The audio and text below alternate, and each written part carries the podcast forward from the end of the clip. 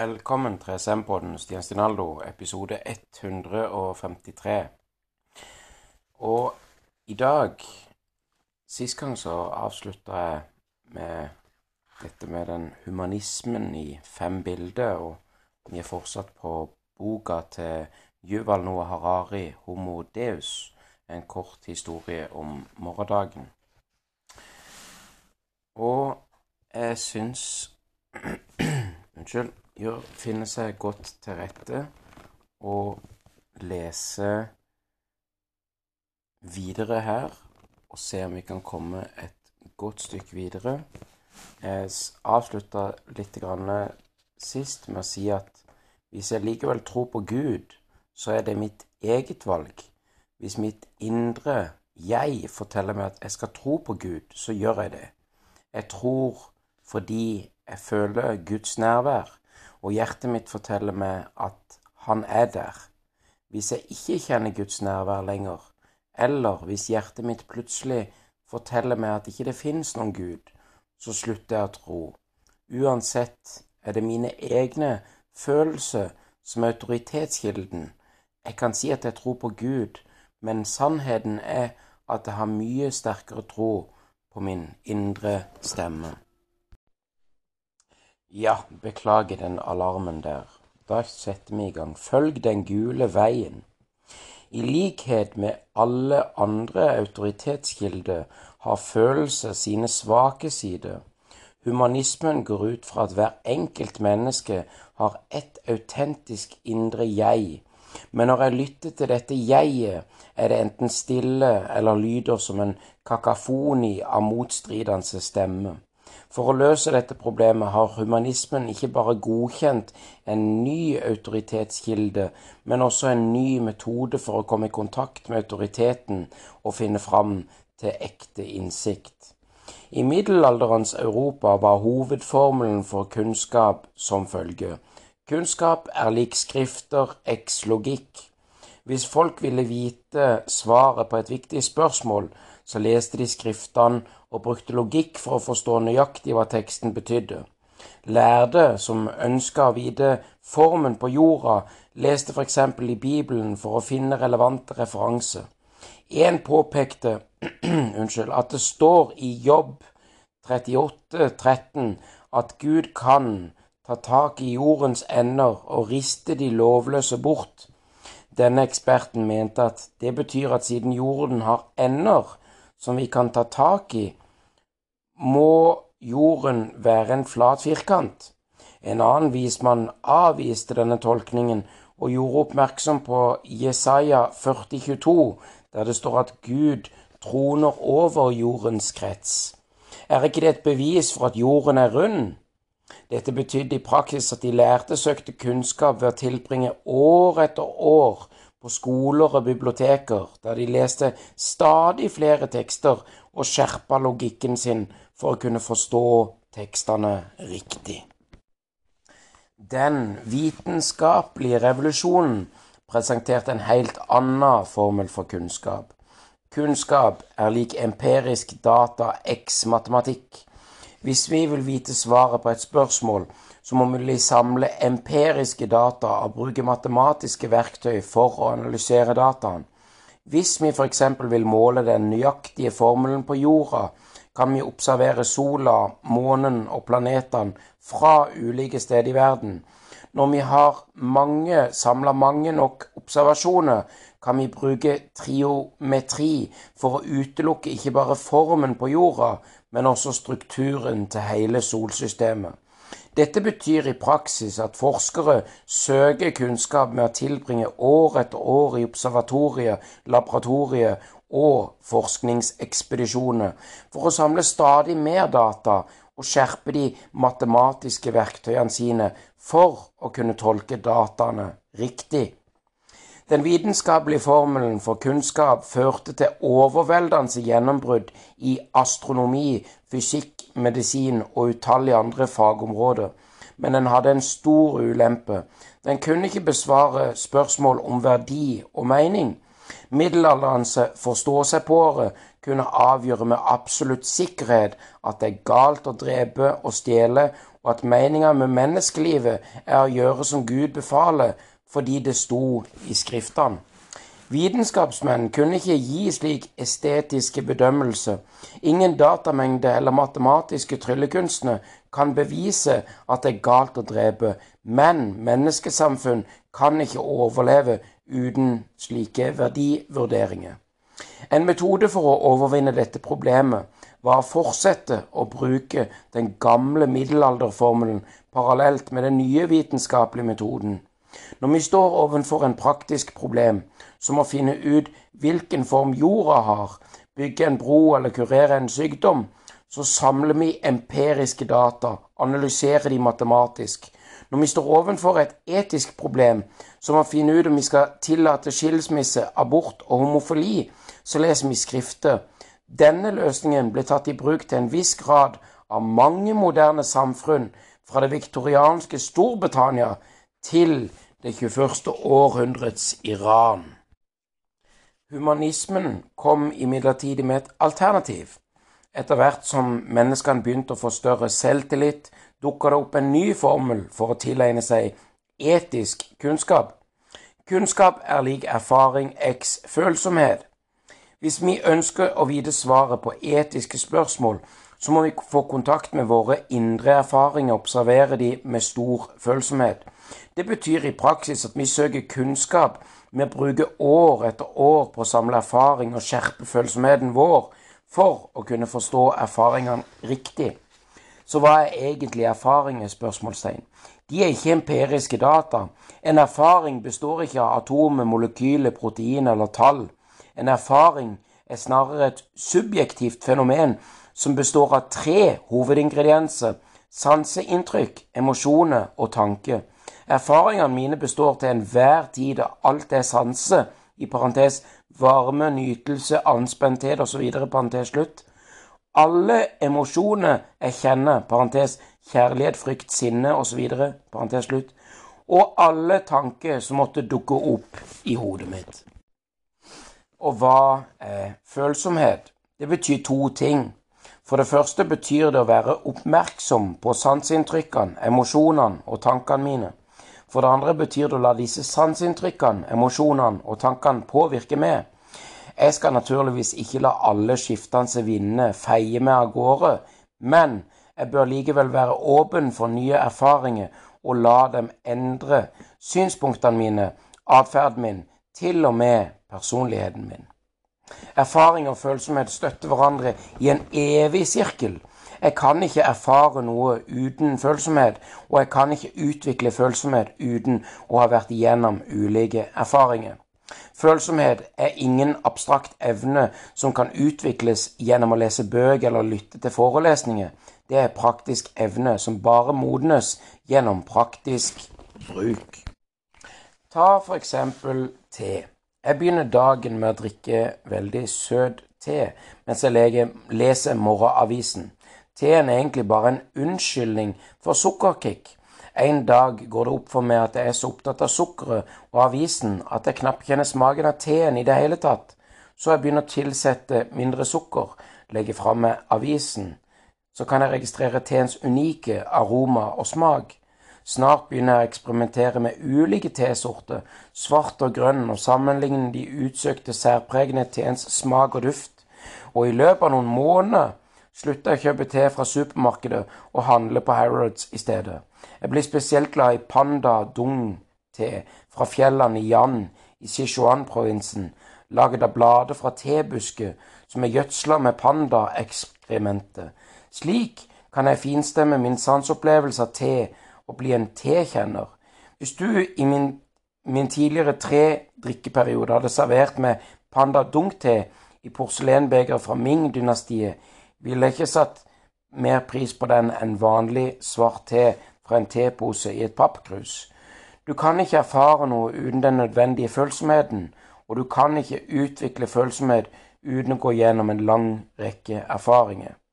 Dette gjelder ikke bare te, men også all annen estetisk og etisk kunnskap. Vi er ikke født ferdiglagd samvittighet. I løpet av livet sårer vi folk og folk sårer oss. Vi viser medfølelse med andre, og andre viser medfølelse med oss. Hvis vi følger godt med, så skjerpes moralsk følsomhet, og disse erfaringene blir en kilde til verdifull etisk kunnskap om hva som er godt, og hva som er viktig, og hva som er riktig, og hvem jeg egentlig er. Humanismen ser selvfølgelig på livet som en gradvis prosess av indre forandring, fra uvitenhet til innsikt ved hjelp av erfaringer. Det humanistiske livet høyeste mål er å utvikle ens kunnskaper fullt ut ved hjelp av mange ulike intellektuelle, emosjonelle og fysiske erfaringer.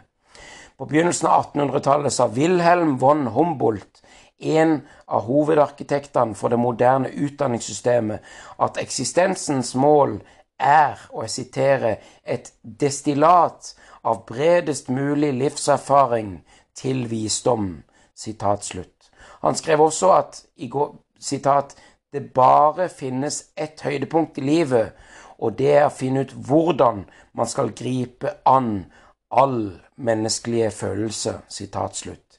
Det kunne like gjerne vært mottoet til humanismen. Ifølge kinesisk filosofi opprettholdes verden av samspillet mellom motsatte, mens utfyllende krefter kalt yin og yang. Dette gjelder kanskje ikke den fysiske verden, men det stemmer absolutt for den moderne verden, som er blitt skapt gjennom et forlik mellom vitenskap og humanisme. Hver vitenskapelig yang inneholder en humanistisk yin, og omvendt. Yang forteller gir oss makt, og yin gir oss mening og etiske vurderinger. Modernitetens yang og yin er fornuft og emosjoner, laboratorier og museer, produksjonslinjer og supermarkeder. Folk ser ofte bare yang og forestiller seg den moderne verden som tørr, vitenskapelig, logisk og nyttebetont. Akkurat som et laboratorium eller en fabrikk. Men den moderne verden har også en bugnende supermarked. Ingen kultur i historien har noen gang lagd så stor vekt på mennesker, følelser, ønsker og erfaringer. Det humanistiske synet på livet som en rekke erfaringer er blitt grunnmuren i det utallige moderne industriet på turismen, fra turisme til kunst. Reisebyråansatte og restaurantkokker selger oss ikke flybilletter, hotellrom og fine middag. De selger oss nye erfaringer. Og mens de fleste førmoderne narrativene konsentrerte seg om eksterne hendelser og handlinger, kan handle moderne romaner, filmer og dikt ofte om følelser Gresk-romerske epos og middelalderens ridderromaner var fortegna over herodiske heltedåder, ikke over følelse. I et kapittel ble det fortalt hvordan den tapre ridderen sloss mot et kjempemonster og drepte ham. I et annet kapittel skildrer man hvordan ridderen redda en vakker prinsesse fra en ildsprutende drage og drepte ham. En tredje kapittel beskrev hvordan en ond trollmann kidnappa prinsen men så jaktet ridderen på trollmannen og drepte ham. Det var ikke så rart at helten alltid var ridder og ikke snekker eller bonde, for bønder utførte ingen heltedåder. Det viktigste her er at helten ikke gjennomgikk en betydelig indre utvikling. Akilles, Arthur, Roland og Lancelot var fryktløse krigere av ridderlig verdenssyn før de dro ut på eventyr og de var like fryktløse krigere med nøyaktig samme verdenssyn da eventyret var over. Alle kjempene de drepte og prinsene de reddet, bekreftet mottoet og utholdenheten deres, men lærte dem til sjuende og sist ikke så mye. Humanismens oppmerksomhet om følelser og erfaringer, og ikke handlinger, forvandla kunsten. Woodworth, Dostojevskij, Dickinson og Sola brydde seg ikke noe om særlig om tapre riddere og dumdristighet, men beskrev i stedet hvordan vanlige mennesker, husmødre, følte seg. Noen mener at Joyce, Ulysses, representerer det absolutte høydepunktet i den moderne oppmerksomheten om det indre liv, og ikke om ytre handlinger. Joyce beskriver med, med 260 000 ord på engelsk en dag i livet til dublinerne Stephen Didelos og Leopold Bloom, som, som i løpet av denne dagen gjør stort sett ingenting. Det er få som faktisk har lest hele Ulysses, men mesteparten av populærkulturen bygger også på de samme prinsippene. I USA får serien Survivor ofte æren eller skylda for å gjøre reality-programmet så populære. Unnskyld. Survivor var den første realityserien som gikk til topps på markedsforskningsselskapets Nilsens popularitetsmålinger, og i 2017 kåra tidsskriftet Time-serien til et av historiens 100 største TV-programmer. I hver sesong blir 20 deltakere i minimalt badetøy isolert på en tropisk øy. De må gjennom alle mulige utfordringer, og i hver episode stemmes en av deltakerne ut av programmet. Den som er igjen til slutt, får med seg én million dollar hjem. Publikum i Homers Hellas, det gamle Romerriket eller middelalderens Europa, ville både gjenkjent og likt dette konseptet. 20 utfordrere går inn, én helt kommer ut. Fantastisk, ville en gresk prins, romersk patriser eller kor korstogfarer tenkt da han satte seg ned for å se på. Vi kommer sikkert til å få se spennende eventyr, kamper på liv og død, og uovertrufne heltedåder og svik. Krigerne kommer til å dolke hverandre i ryggen eller piske hverandre til hunden. Huden løsner. Sitat slutt. For en skuffelse. I vår tid er dolking i ryggen og hudfletting bare metaforer. Hver episode varer i omtrent en time. 15 minutter av denne timen går med til reklame for tannkrem, sjampo og frokostblandinger. Fem minutter er satt av til utrolig barnslig utfordring, som hvem som klarer å kaste flest kokosnøtt i en kurv, eller hvem som kan spise flest innsikter på et minutt. Resten av tiden snakker i gåseøyne heltene bare om følelsene sine. Han sa, hun sa, jeg følte dit og datt.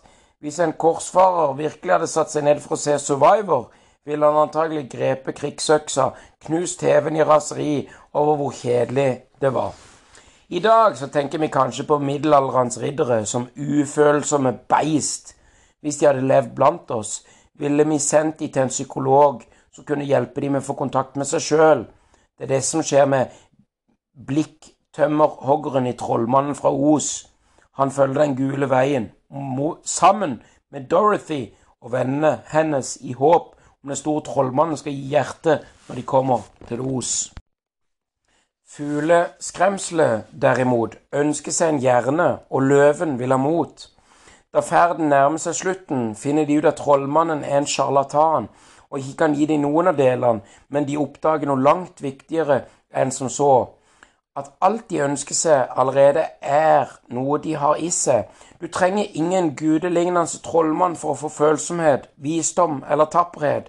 Du kan bare føle den gule veien, åpne deg for erfaringer som kommer. Kaptein Kirk og kaptein Jean-Luc Picard opplever nøyaktig det samme når de reiser med stjerneskipet Enterprise, og det gjør òg Tom Sawyer og Huckleberry Finn når de seiler nedover Mississippi, og Wyatt og Billy når de kjører Harley Davidson i Easy Rider, og utallige andre rollefigurer i mange andre road-movier som forlater hjemmet sitt i Pennsylvania eller kanskje New South Wales reise av gårde i en gammel kabriolet, eller kanskje med bussen, oppleve forskjellige ting som snur livet på hodet, får kontakt med seg sjøl, snakker med følelsene sine og til slutt når frem til San Francisco, eller kanskje til Alice Springs, som er bedre og klok, som bedre og klokere mennesker. Sannheten om krig. Formelen kunnskap er lik erfaring x følsomhet har ikke bare endra populærkulturen, men også vår oppfatning av viktige ting som krig. I mesteparten av historien har folk spurt Gud, skriftene, konge, adelsmenn og prester når de ville vite om en spesiell krig var rettferdig. Det var få som brydde seg om meninga og erfaringene til mening, soldat eller en vanlig sivilist. Krigsskildring som Dom Homer, Virgil og Shakespeare skrev, handla først og fremst om hva keisere, generaler og enestående helter gjorde, selv om ikke de la skjul på krigens elendighet. Den ble, ble den mer enn oppveid av ære og heltemod i stor skala. Menige soldater figurerte ofte som hauger av lik slakta ned av en Goliat, eller av jublende mengde som bar en triumferende David på skuldrene. Se for eksempel dette maleriet fra slaget ved Breitenfeld, som fant sted den 17. september 1663. Maleren Jean-Jacques Walter glorifiserer kong Gustav Adolf av Sverige, som førte soldatene sine til klar seier den dagen. Gustav, Gustav Adolf ruver over slagmarken som en slags krigsgud. Man får inntrykk av at kongen har like stor kontroll over slaget som en sjakkspiller som flytter brikkene over brettet. Brikkene er for det meste anonyme figurer eller små prikker i bakgrunnen, og Walter var ikke interessert i hva de følte når de gikk til angrep, flykta eller drepte eller døde. De er ansiktsløs gruppe. Selv når malere konsentrerer seg om selve slaget og ikke om øverstkommanderende, så er de ovenfra og var langt mer opptatt av kollektive manøvrer enn personlige følelser. Ta for eksempel Peter Sneyers maleri av slaget på Det hvite berg i november 1620. Maleriet skildrer en meget berømt katolsk seier i 30-årskrigen over kjettersk protestantiske opprørere. Sneyers ville minne seieren med få en detaljert beskrivelse av ulike formasjoner, manøvre og troppebevegelse. Det er lett å se de ulike avdelingene, hva slags våpen de har, og hvor de plasserte under slaget.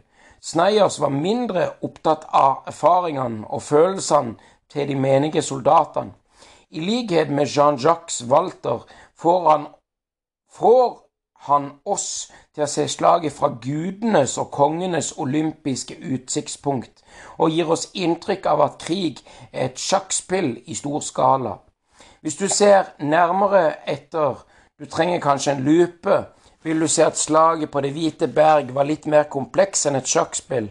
Det som var første øyekasse kan se ut som et geometrisk abstraksjon, er med nærmere øyesyn et blodbad her er der du kan til og med se ansiktene til enkelte soldater som løper eller flykter mens de skyter eller spidder en fiende på spydet. Disse scenene gir bare mening ut fra hvordan de er plassert i bildet som en helhet. Når vi ser en kanonkulle smadre en soldat, så forstår vi en del av den store katolske seieren. Hvis soldaten kjemper for protestantisk side, er dødsfallet hans en rettferdig straff for opprør og kjetteri. Hvis soldaten kjemper for katolikkene, er dødsfallet edelt offer for rettferdighetssak. Hvis vi kikker opp, kan vi se engler som svever høyt over slagmarka. De holder en banner og forklarer på latin hva som skjedde i dette slaget, og hvorfor de var så viktige. Budskapet er at Gud hjelper keiser Ferdinand 2. med å beseire fienden den 8. november 1620. I flere tusen år har folk sett guder, keisere, generaler og store helter når de har sett skildringer av krig. I løpet av de siste 200 årene har konge og general blitt skjøvet stadig lenger ut til sida, og søkelyset er blitt retta mot den menige soldat og hans erfaringer. Krigsromaner som Intet nytt fra vestfronten og krigsfilmer som Platoon begynner med en ung, naiv rekrutt som vet lite om seg selv og verden, men bærer på en tung bør av håp og illusjoner. Han ser på krigen som et ærerik og tenker på deres sak som rettferdig, og på generalen som et geni.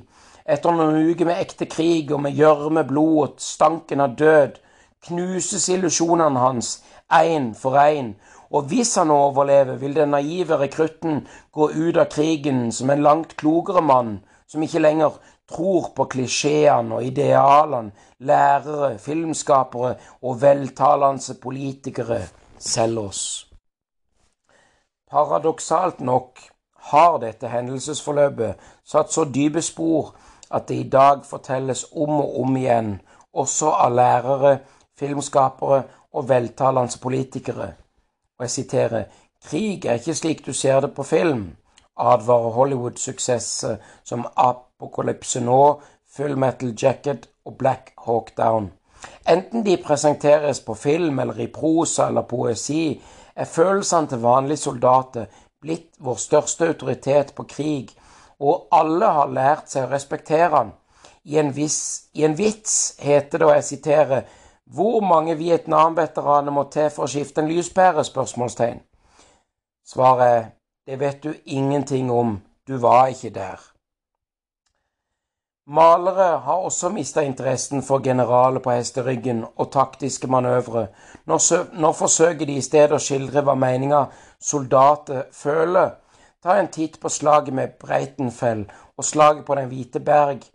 Etterpå kan du se bildene på følgende to malerier som regnes som to av 1900-tallets mesterverk innenfor krigskunst. Det er 'Krig' av Otto Dix og 'The 2000 Yards There' av Thomas Lea. Dix tjenestegjorde som sersjant i den tyske hæren under første verdenskrig. Lea dekka slaget på øya Peliua for tidsskriftet Life i 1944. Walter og Snayers så på krig som et militært og politisk fenomen, og ville at vi skulle vite hva som skjedde i bestemte slag. Dix og Lea derimot ser på krig som et emosjonelt fenomen, og vil at vi skal vite hvordan det føles. De bryr seg ikke om geniale generaler eller taktiske detaljer i det slaget eller det slaget. Soldatene til Dix kan være i Verdum, Gypres eller Somme. Det spiller ingen rolle. For krig er et helvete uansett hvor han utspiller seg. Leas soldat er tilfeldigvis en amerikansk infanterist i Pelilu, men du kunne sett nøyaktig det samme tomme blikket i ansiktet til en japansk soldat i Iwo Jima, en tysk soldat i Stalingrad eller en britisk soldat i Dunkerque. I maleriene til Dix og Lea har ikke meninga med krigen sitt utspring i taktiske bevegelser eller himmelske kunngjøringer. Hvis du vil forstå krig, så skal du ikke kikke opp på generalen på åskammen eller på englene på himmelen. Du skal se rett i øynene til en vanlig soldat, og i Leas maleri åpner de stirrende øynene til en traumatisert soldat vinduet til krigens grusomme virkelighet.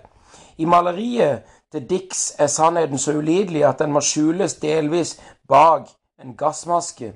Her er det ingen engler som svever over slagmarka, bare et råttent lik som henger fra en knekt bjelke og peker anklagende med en finger. Kunstnere som Dix og Lea omstyrte dermed det tradisjonelle krigshierarkiet. Krig kan ha vært like fryktelig i tidligere tider som på 1900-tallet. Men selv grufull opplevelse ble satt i større kontekst, som ga den positiv mening. Krig kan være et helvete, men det var samtidig veien til himmelen. En katolsk soldat som kjempa i slaget ved Det hvite berg, kunne si til seg selv, og jeg siterer, ja, jeg lider, men paven og keiseren sier at vi kjemper for en god sak, og det gir lidelsene mine mening. Otto Dix brukte motsatt logikk. Han så på personlig erfaring som kilden til all mening, så hans tenkemåte var som følge, og jeg siterer, Jeg lider, og det er ille, så det betyr at hele krigen er ille. Hvis keiseren og presteskapet støtter krigen, må de ta feil. Sitat slutt. Den humanistiske splittelsen. Så langt har vi diskutert humanisme som om det var et eneste sammenstemt verdenssyn. Men humanismen delte skjebne med alle suksessrike religioner, som kristendommen og buddhismen. Etter hvert som den spredte og utvikla seg, delte han seg opp i flere stridende sekter. Alle humanistiske sekter mener at menneskelig erfaring er den viktigste kilden til autoritet og mening, men de tolker menneskelig erfaring på ulike måter. Humanismen delte seg i tre hovedgrener. Den ortodokse grenen hevder at hver enkelt menneske er et unikt individ med en distinkt indre stemme og en rekke erfaringer som aldri gjentas. Hvert enkelt menneske er en lysstråle som lyser opp verden fra et nytt perspektiv, og som tilfører universets farge, dybde og mening. Følgelig så bør vi gi hvert enkelt individ så stor frihet som mulig, slik at vi kan få oppleve verden, følge sin indre stemme og gi uttrykk for sin indre sannhet. Det bør legges mye større vekt på individuell fri vilje enn på statlig interesse eller religiøse doktriner, uansett om det gjelder politikk, økonomi eller kunst. Jo større frihet enkeltindividet har, desto vakrere, rikere og mer meningsfylt blir verden. Denne vekten på frihet gjør at den ortodokse grenen av humanismen er kjent som i gåsehudet liberal humanisme, eller ganske enkelt liberalisme. I Skal vi se Unnskyld. Og så står det sitert under her I amerikansk politikk blir liberalisme ofte tolka smalere og brukes som motsetningen til konservatisme. I videre forstand er imidlertid de fleste amerikanske konservative også liberale. Og jeg går videre. Det er den liberale politikken som sier at velgeren vet best. Den liberale kunsten hevder at skjønnheten ligger i øyet som ser. Den liberale økonomien sier at kunden alltid har rett. Og den liberale etikken sier at hvis noe føles godt, skal vi gjøre det. Den liberale utdanning lærer oss å tenke selv, fordi vi vil finne alle svarene i oss selv. Etter hvert som vi stadig etter hvert som vi fikk stadig større sosial kredibilitet og politisk makt, utvikla humanismen på 1800- og 1900-tallet to svært forskjellige sideskudd. Sosialistisk humanisme, som omfatta et veil av sosialistiske og kommunistiske bevegelser, og evolusjonær humanisme, som nazistene var de mest kjente talsmennene for. Begge sideskuddene sa seg enige om at liberalismen i menneskelig erfaring er den viktigste kilden til mening og autoritet. Ingen av de trodde på overnaturlige krefter eller guddommelige lovbøker. Hvis du f.eks. hadde spurt Karl Marx om hva som var galt med tiåringer jobba tolv timer lange skift i røykfylte fabrikker, ville han svart at det fikk barna til å føle seg dårlige hvis vi skal unngå utnytting, undertrykking og urettferdighet, ikke fordi Gud har sagt det, men fordi det gjør folk ulykkelige. Både sosialister og evolusjonære humanister påpeker imidlertid at den liberale forståelsen av menneskelig erfaring hadde noen svake sider. Liberalere mener at menneskelig erfaring er et individuelt fenomen, men det er mange individer i verden, og de føler ofte forskjellige ting og har motstridende ønsker. Hvordan skal vi løse konfliktene mellom motstridende erfaringer hvis all autoritet og mening har sitt utspring i individuelle erfaringer? spørsmålstegn. 15.07.2015 ble den tyske rikskansleren Angela Merkel konfrontert med en palestinsk flyktning en tenåringsjente fra Libanon. Familien hennes søkte asyl i Tyskland, men sto i fare for å bli sendt ut av landet. Jenta, Rim, sa til Merkel på flytende tysk, og jeg siterer, det er fryktelig vanskelig å se på hvordan andre mennesker kan nyte livet når man ikke kan gjøre det selv. Jeg vet ikke hva fremtida mi vil bringe. Sitat slutt. Merkel svarte at Merkel svarte at, og jeg siterer, politikk kan være vanskelig.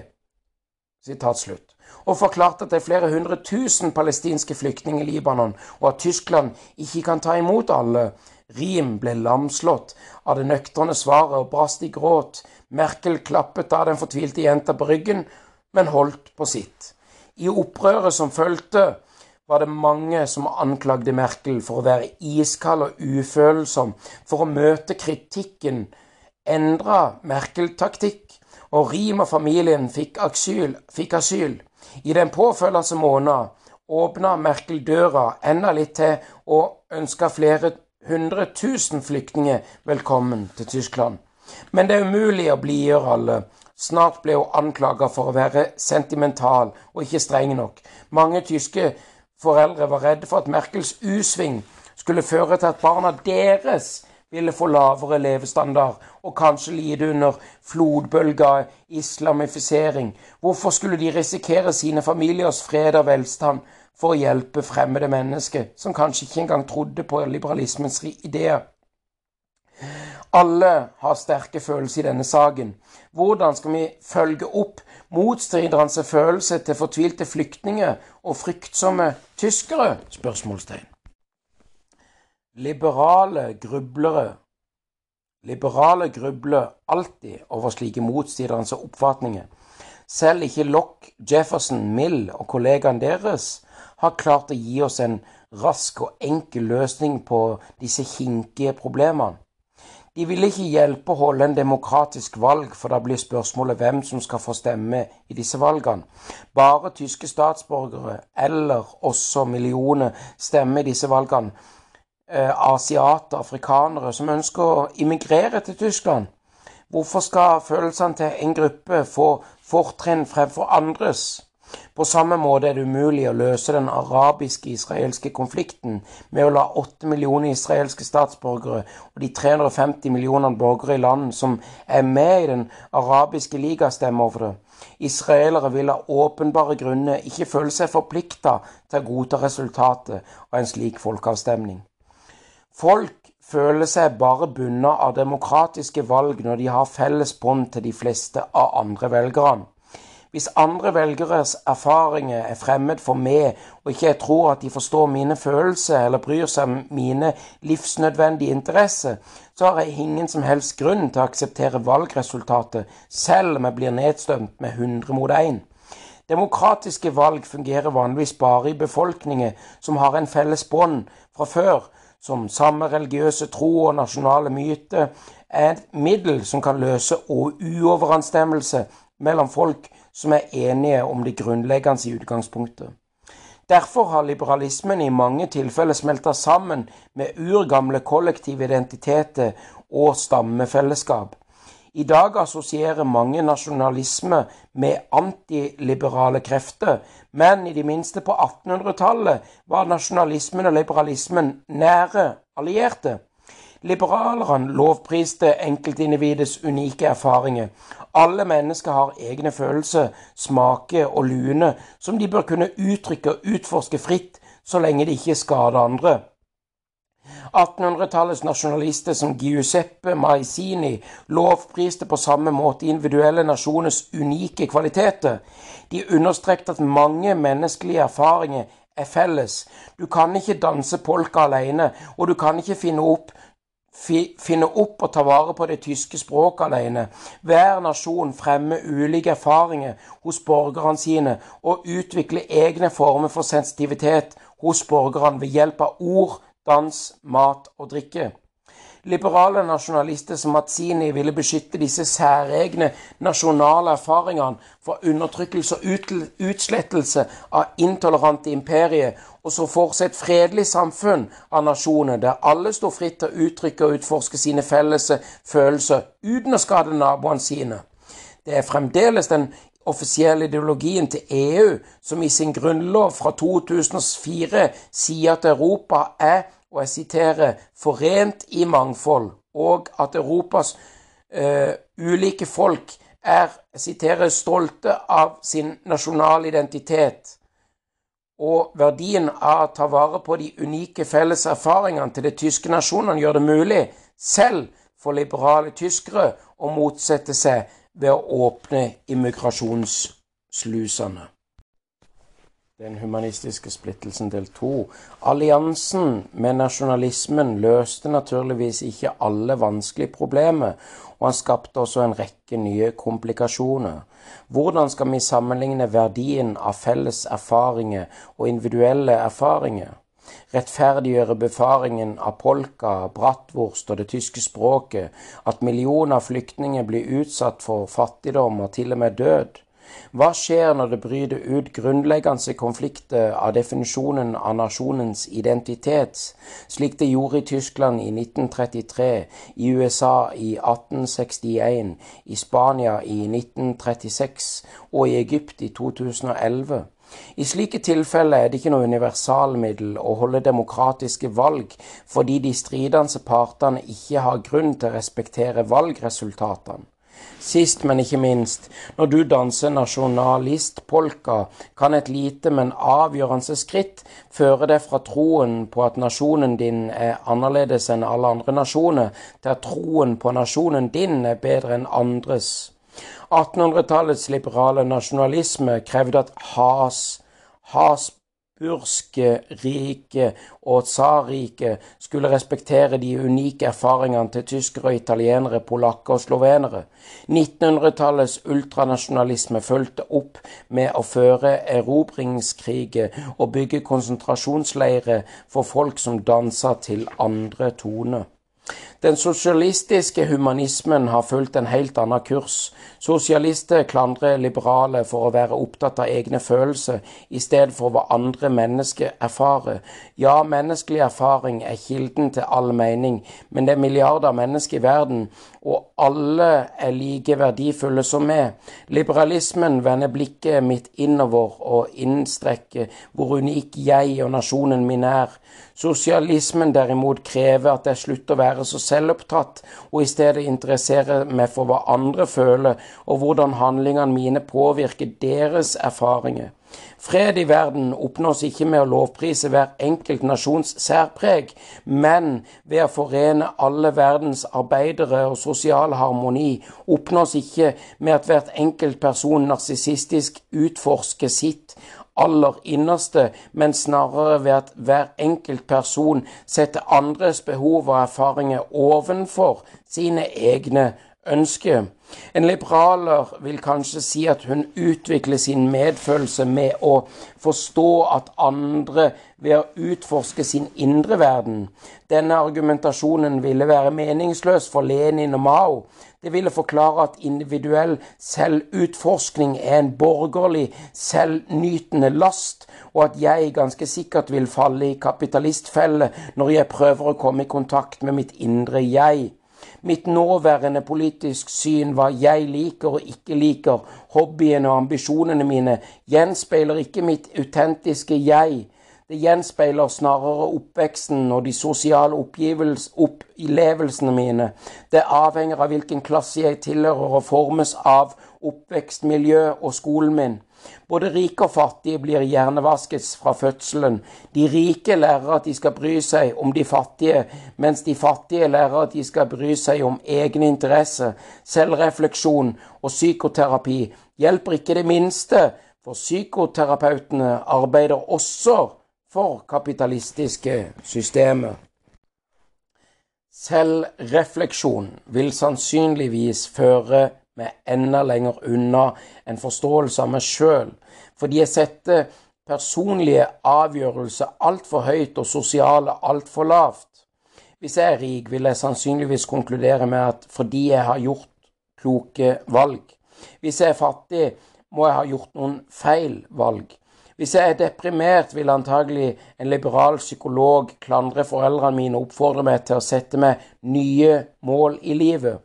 Hvis jeg antyder at jeg kanskje er deprimert fordi jeg blir utnytta av kapitalister og det sosiale systemet jeg lever i, gjør det umulig for meg å realisere målene mine, kan psykologene si at jeg prosjesserer mine indre problemer over på det sosiale systemet, og jeg prosjesserer utløste problemer med moren min ovenfor kapitalistene.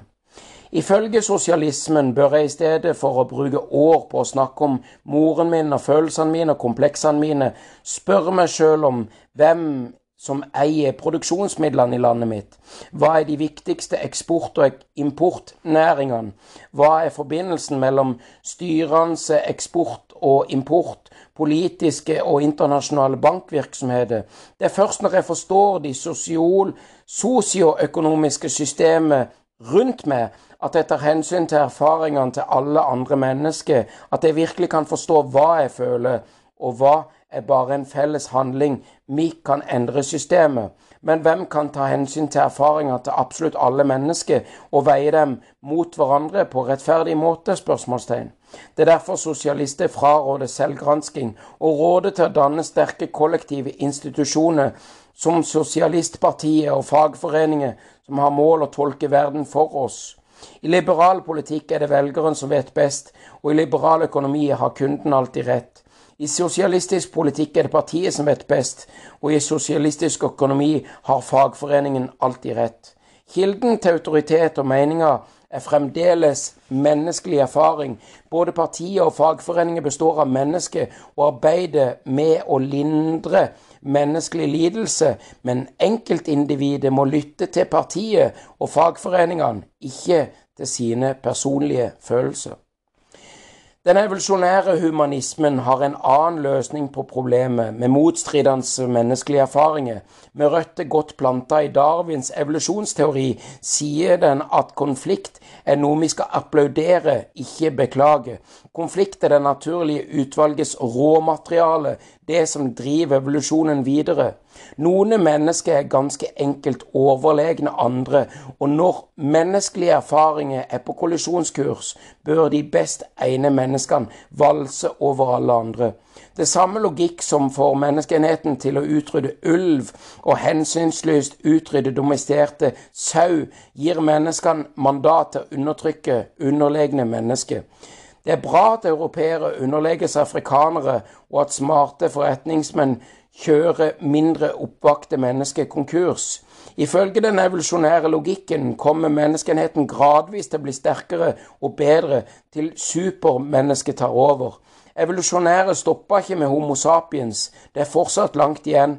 Hvis vi blir kastrert de sterkeste hvis, Unnskyld. Men hvis vi kastrerer de sterkeste og best egnede menneskene fordi vi er opptatt av menneskerettigheter eller av likhet mellom mennesker, så hindrer vi framveksten til supermennesket og kan til og med forårsake en degenerering og utryddelse av Homo sapiens. Hvem er egentlig disse overlegne menneskene som forkynner supermenneskets komme?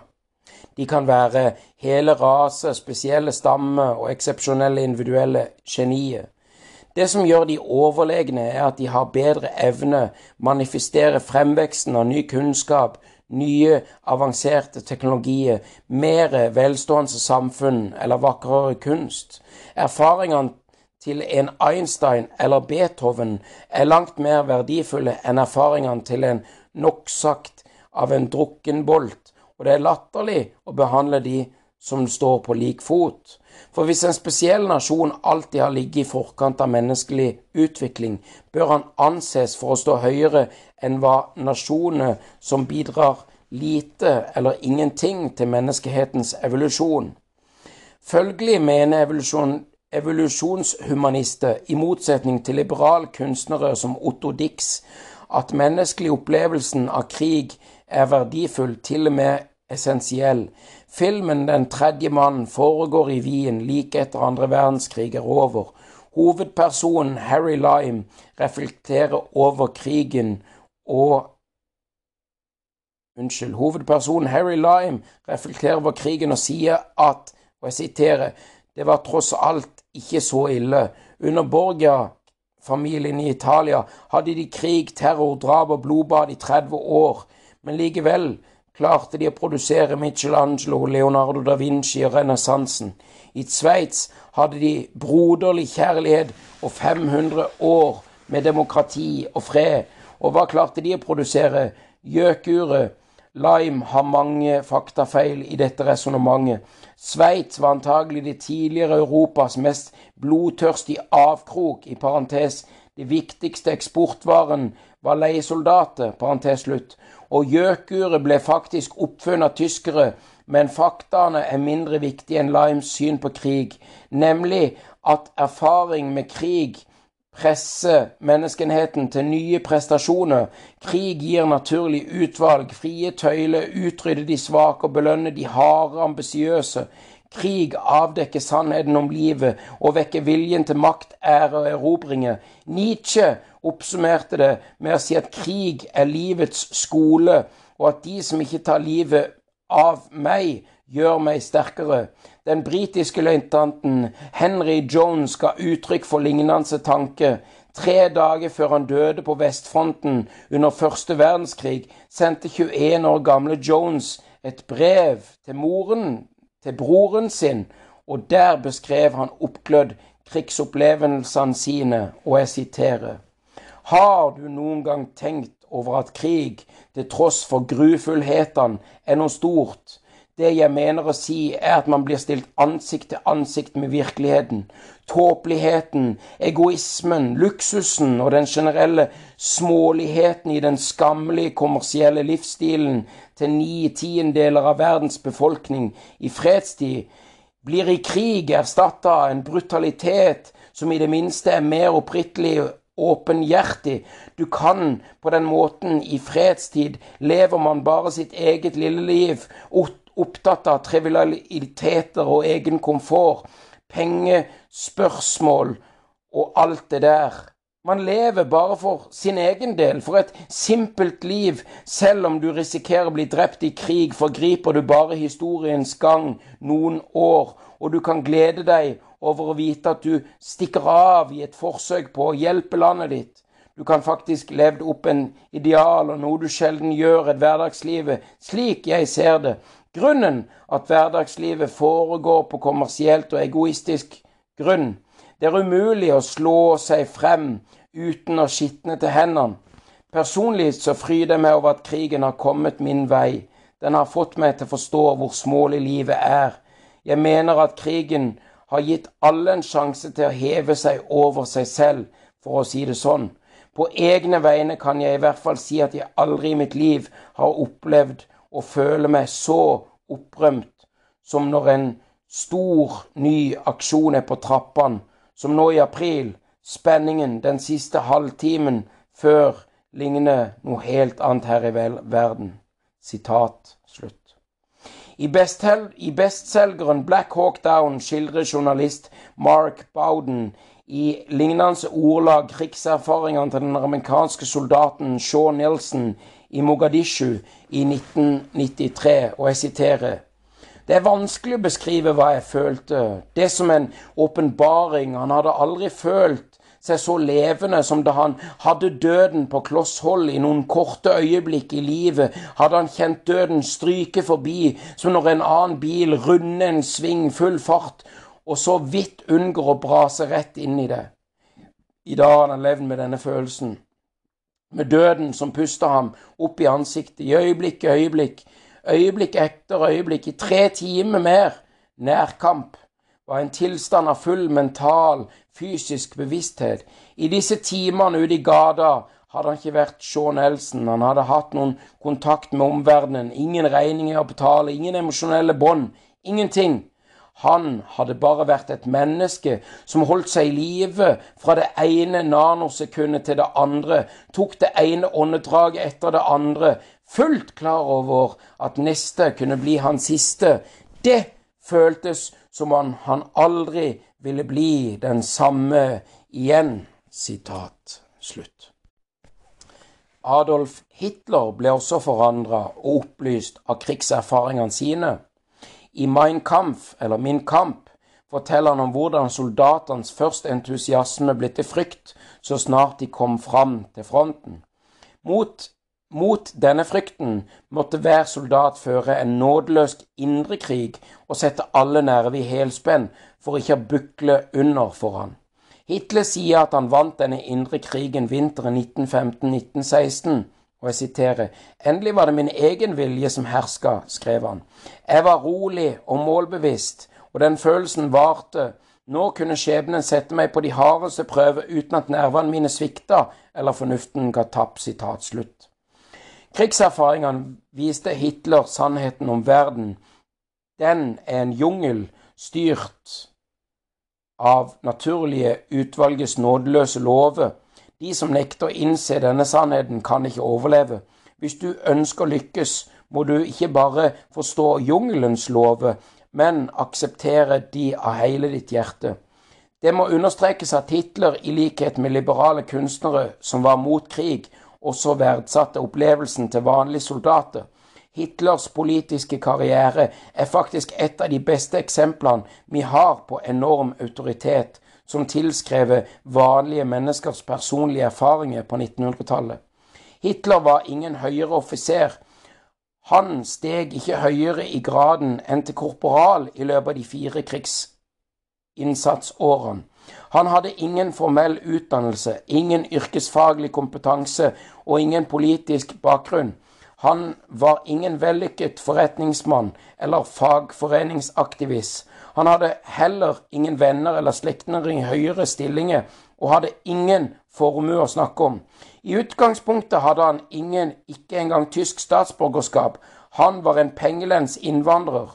Da Hitler applauderte de tyske velgerne og ba om deres tillit, hadde han bare ett argument å legge frem.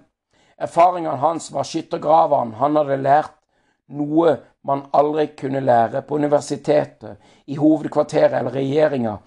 Folk fulgte ham og stemte på ham fordi de identifiserte seg med ham, og fordi også de mente at verden er en jungel, og at de som ikke tar livet av oss, gjør oss sterkere. Liberalismen smelta sammen med mildere versjoner av nasjonalismen for å beskytte de unike erfaringene til hvert enkelt menneskesamfunn. Men evolusjonshumanister som Hitler pekte ut spesielle nasjoner som motoren for menneskelig framskritt, og konkluderte med at disse nasjonene burde slå ned til og med utrydde alle som sto i veien for dem. Det må imidlertid påpekes at Hitler og nazistene bare representerte en ekstrem versjon av evolusjonshumanismen. På samme måte som Stalin gulagsleire ikke automatisk skal uskyldiggjøre alle sosialistiske tanker og argumenter, må ikke nazismens grusomheter gjøre oss blinde for innsikt og evolusjonshumanismen kan bidra med. Nazismen sprang ut fra sammensmelting av evolusjonshumanisme og spesielle raseteorier og ultranasjonalistiske følelser. Ikke alle evolusjonens spesielle raseteorier og ultranasjonalistiske følelser Nei, ikke alle evolusjonshumanister er rasister, og ikke alle tror på menneskehetens potensial for videreutvikling vil kreve etablering av politistater og konsentrasjonsleirer.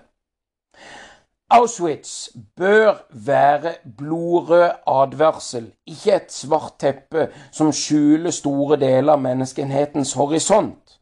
Evolusjonshumanismen har spilt en viktig rolle i forming av moderne kultur, og den vil sannsynligvis spille en enda større rolle i forming av det 21. århundre. Ja, da har jeg lest eh, videre. Og jeg tenker avslutningsvis i dag vil lese litt bitte grann fra den eh, syv korte leksjonen i fysikk, boka til Carlo Rovelli. Og når vi snakker om Big Bang og om verdensrommets struktur, så er det ikke forlengelsen av de frie, fantasifulle fortellingene som menneskene har fortalt hverandre rundt leirbål om natta i årtusener. Det er forlengelsen av noe annet. Blikket til de samme menneskene med daggryets første lys, mens de leder i savannestøv etter spor etter en antilope og granske virkelighetens detaljer for å deredusere det vi ikke kan se rett foran oss, kan følge sporet av. Vel vitende som at vi alltid kan ta feil, klare for å forkaste en idé det det dukker opp et nytt spor, men også oppmerksomme på at vi er flinke, vil vi forestå rett og slett finne det vi leter etter. Dette er vitenskapen. Den forvirrende sammenblandingen mellom disse to ganske ulike menneskelige aktivitetene, å dikte opp fortellinger og følge opp oppfinne noe, er kilden til uviljen og mistroen som vitenskapen møter fra de deler av samtidskulturen.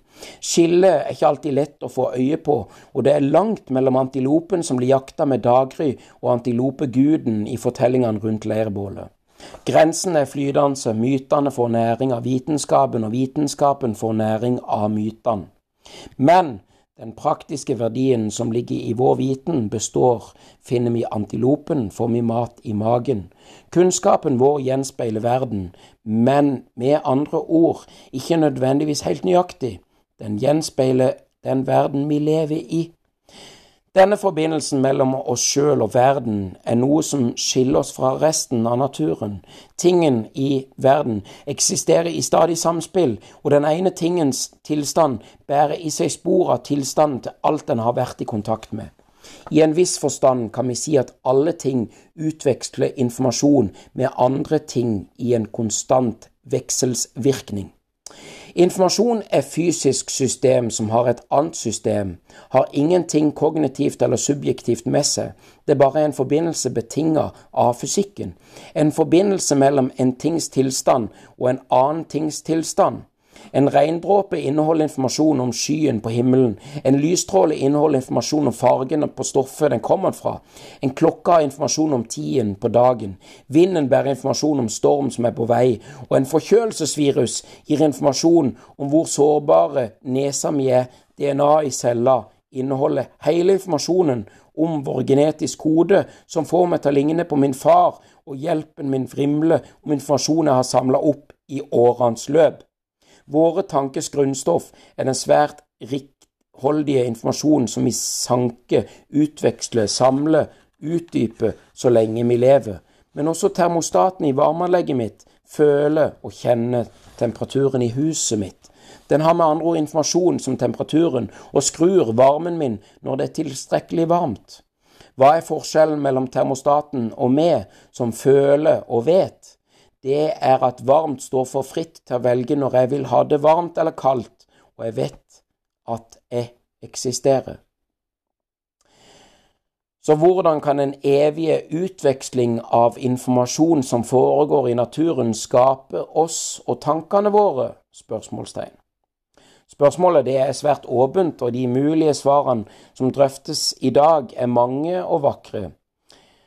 I eh, i mine øyne er dette en av vitenskapens mest interessante forskningsfelt, der vi står på terskelen til det største framskrittet, nye måleinstrumenter som gir oss i dag muligheten til å observere vår egen hjerneaktivitet og til å kartlegge hjernens uhyre innfløkte nervesystem med forbløffende presisjoner. Nyheten om den første fullstendige kartleggingen av den fine mesokopiske hjernestrukturen til et pattedyr kom i 2015. Å finne matematiske uttrykk for strukturene som kan samsvare med en subjektiv fornemmelse av bevissthet, er noe som ikke bare diskuteres av filosofene, men også nevrovitenskapens forskere. Blant de vakreste teoriene, etter min mening, er som ble utvikla av begava italiensk vitenskapsmann som arbeider i USA, Gielio Tonoini. Den heter Den integrerte informasjonsteori om bevissthet. Et forsøk på å gi kvantitativ beskrivelse av strukturen på et system må ha for å kunne sies å ha en bevissthet. F.eks. en beskrivelse av hva virkelig endrer seg i den fysiske verden. Våken, i gåseøyne bevissthet, tilstand og en drømmeløs søvn, parentes ikke bevisst, tilstand, parentes slutt. Teorien er selvsagt bare et forsøk, men vi har ennå ikke funnet en overbevisende, overforent løsning på spørsmålet om hvordan bevisstheten oppstår, men det virker på meg som når tåken sakte, men sikkert begynner å lette. Når det gjelder vår egen natur, finnes det spørsmål i særdeleshet som vi oftest blir forvirra av. Hva betyr det at vi har en fri vilje hvis atferden vår ikke gjør annet enn å føye seg etter naturens lover? spørsmålstegn. Er ikke det en motsetning mellom frifølelsen vår og bildet av regelbuden verden som etter hvert har dannet oss? spørsmålstegn. Finnes det noe i oss som er unndratt naturens lovmessigheter og tillater oss å vri oss unna dem ved hjelp av frie tanker? Spørsmålstegn. Nei, det fins ingenting i oss som er unndratt naturlovene. Hadde det vært noe i oss som brøt dem, ville vi for lengst ha oppdaget det. Ingenting i oss bryter med tingens naturlige orden. Hele den moderne vitenskapen, fra fysikken til kjemien, fra biologien til nevrovitenskapen, gjør ikke annet enn å forsterke denne jakt iakttagelsen. Løsningen på det forvirrede spørsmålet er en annen. Når vi sier at vi er fri, og det, og det stemmer at vi er i stand til å være det, betyr det at atferden vår er betinget av det som skjer inni oss selv, i hjernen, og ikke blir påtvunget utenfra. Å utøve fri vilje betyr ikke at atferden vår ikke er betinget naturlovene. Det betyr at den frie viljen er betinget naturlovene slik de utspiller seg i hjernen vår. Vår fri vilje blir fritt betinget av det skiftende samspillet mellom milliarder av nevroner i hjernen.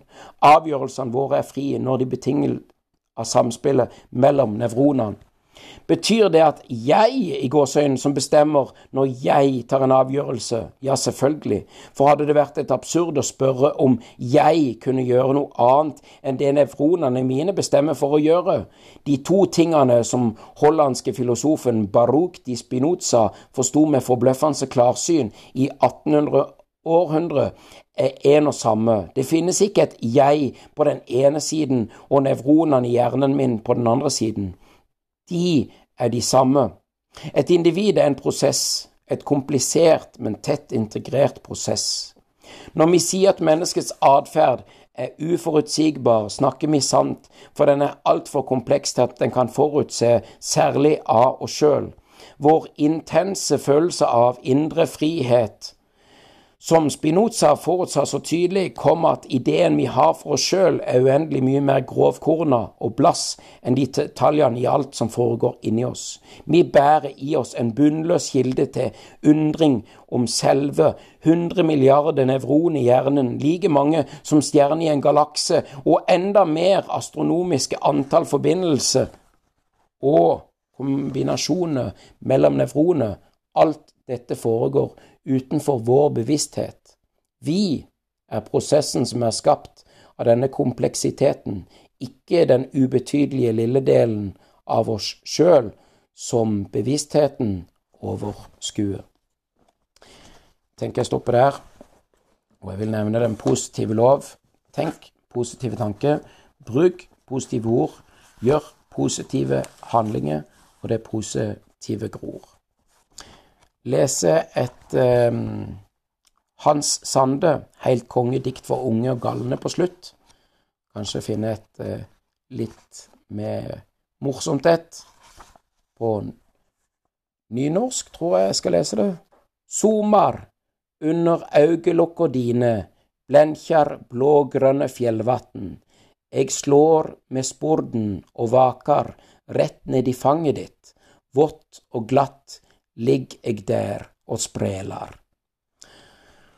Og så med det så vil jeg ønske deg en fantastisk nydelig fin dag, kveld, eller hva enn det måtte være når du hører på. Spre ordet om 3SM-podden, og håper du har en fantastisk nydelig tid, og smile og sola og alt det som er på si. Fred og kjærlighet. Peace out så kan jeg elske. Jeg elsker deg. Instagrammen min ssshow2020. Nettsida mi 3cm.no.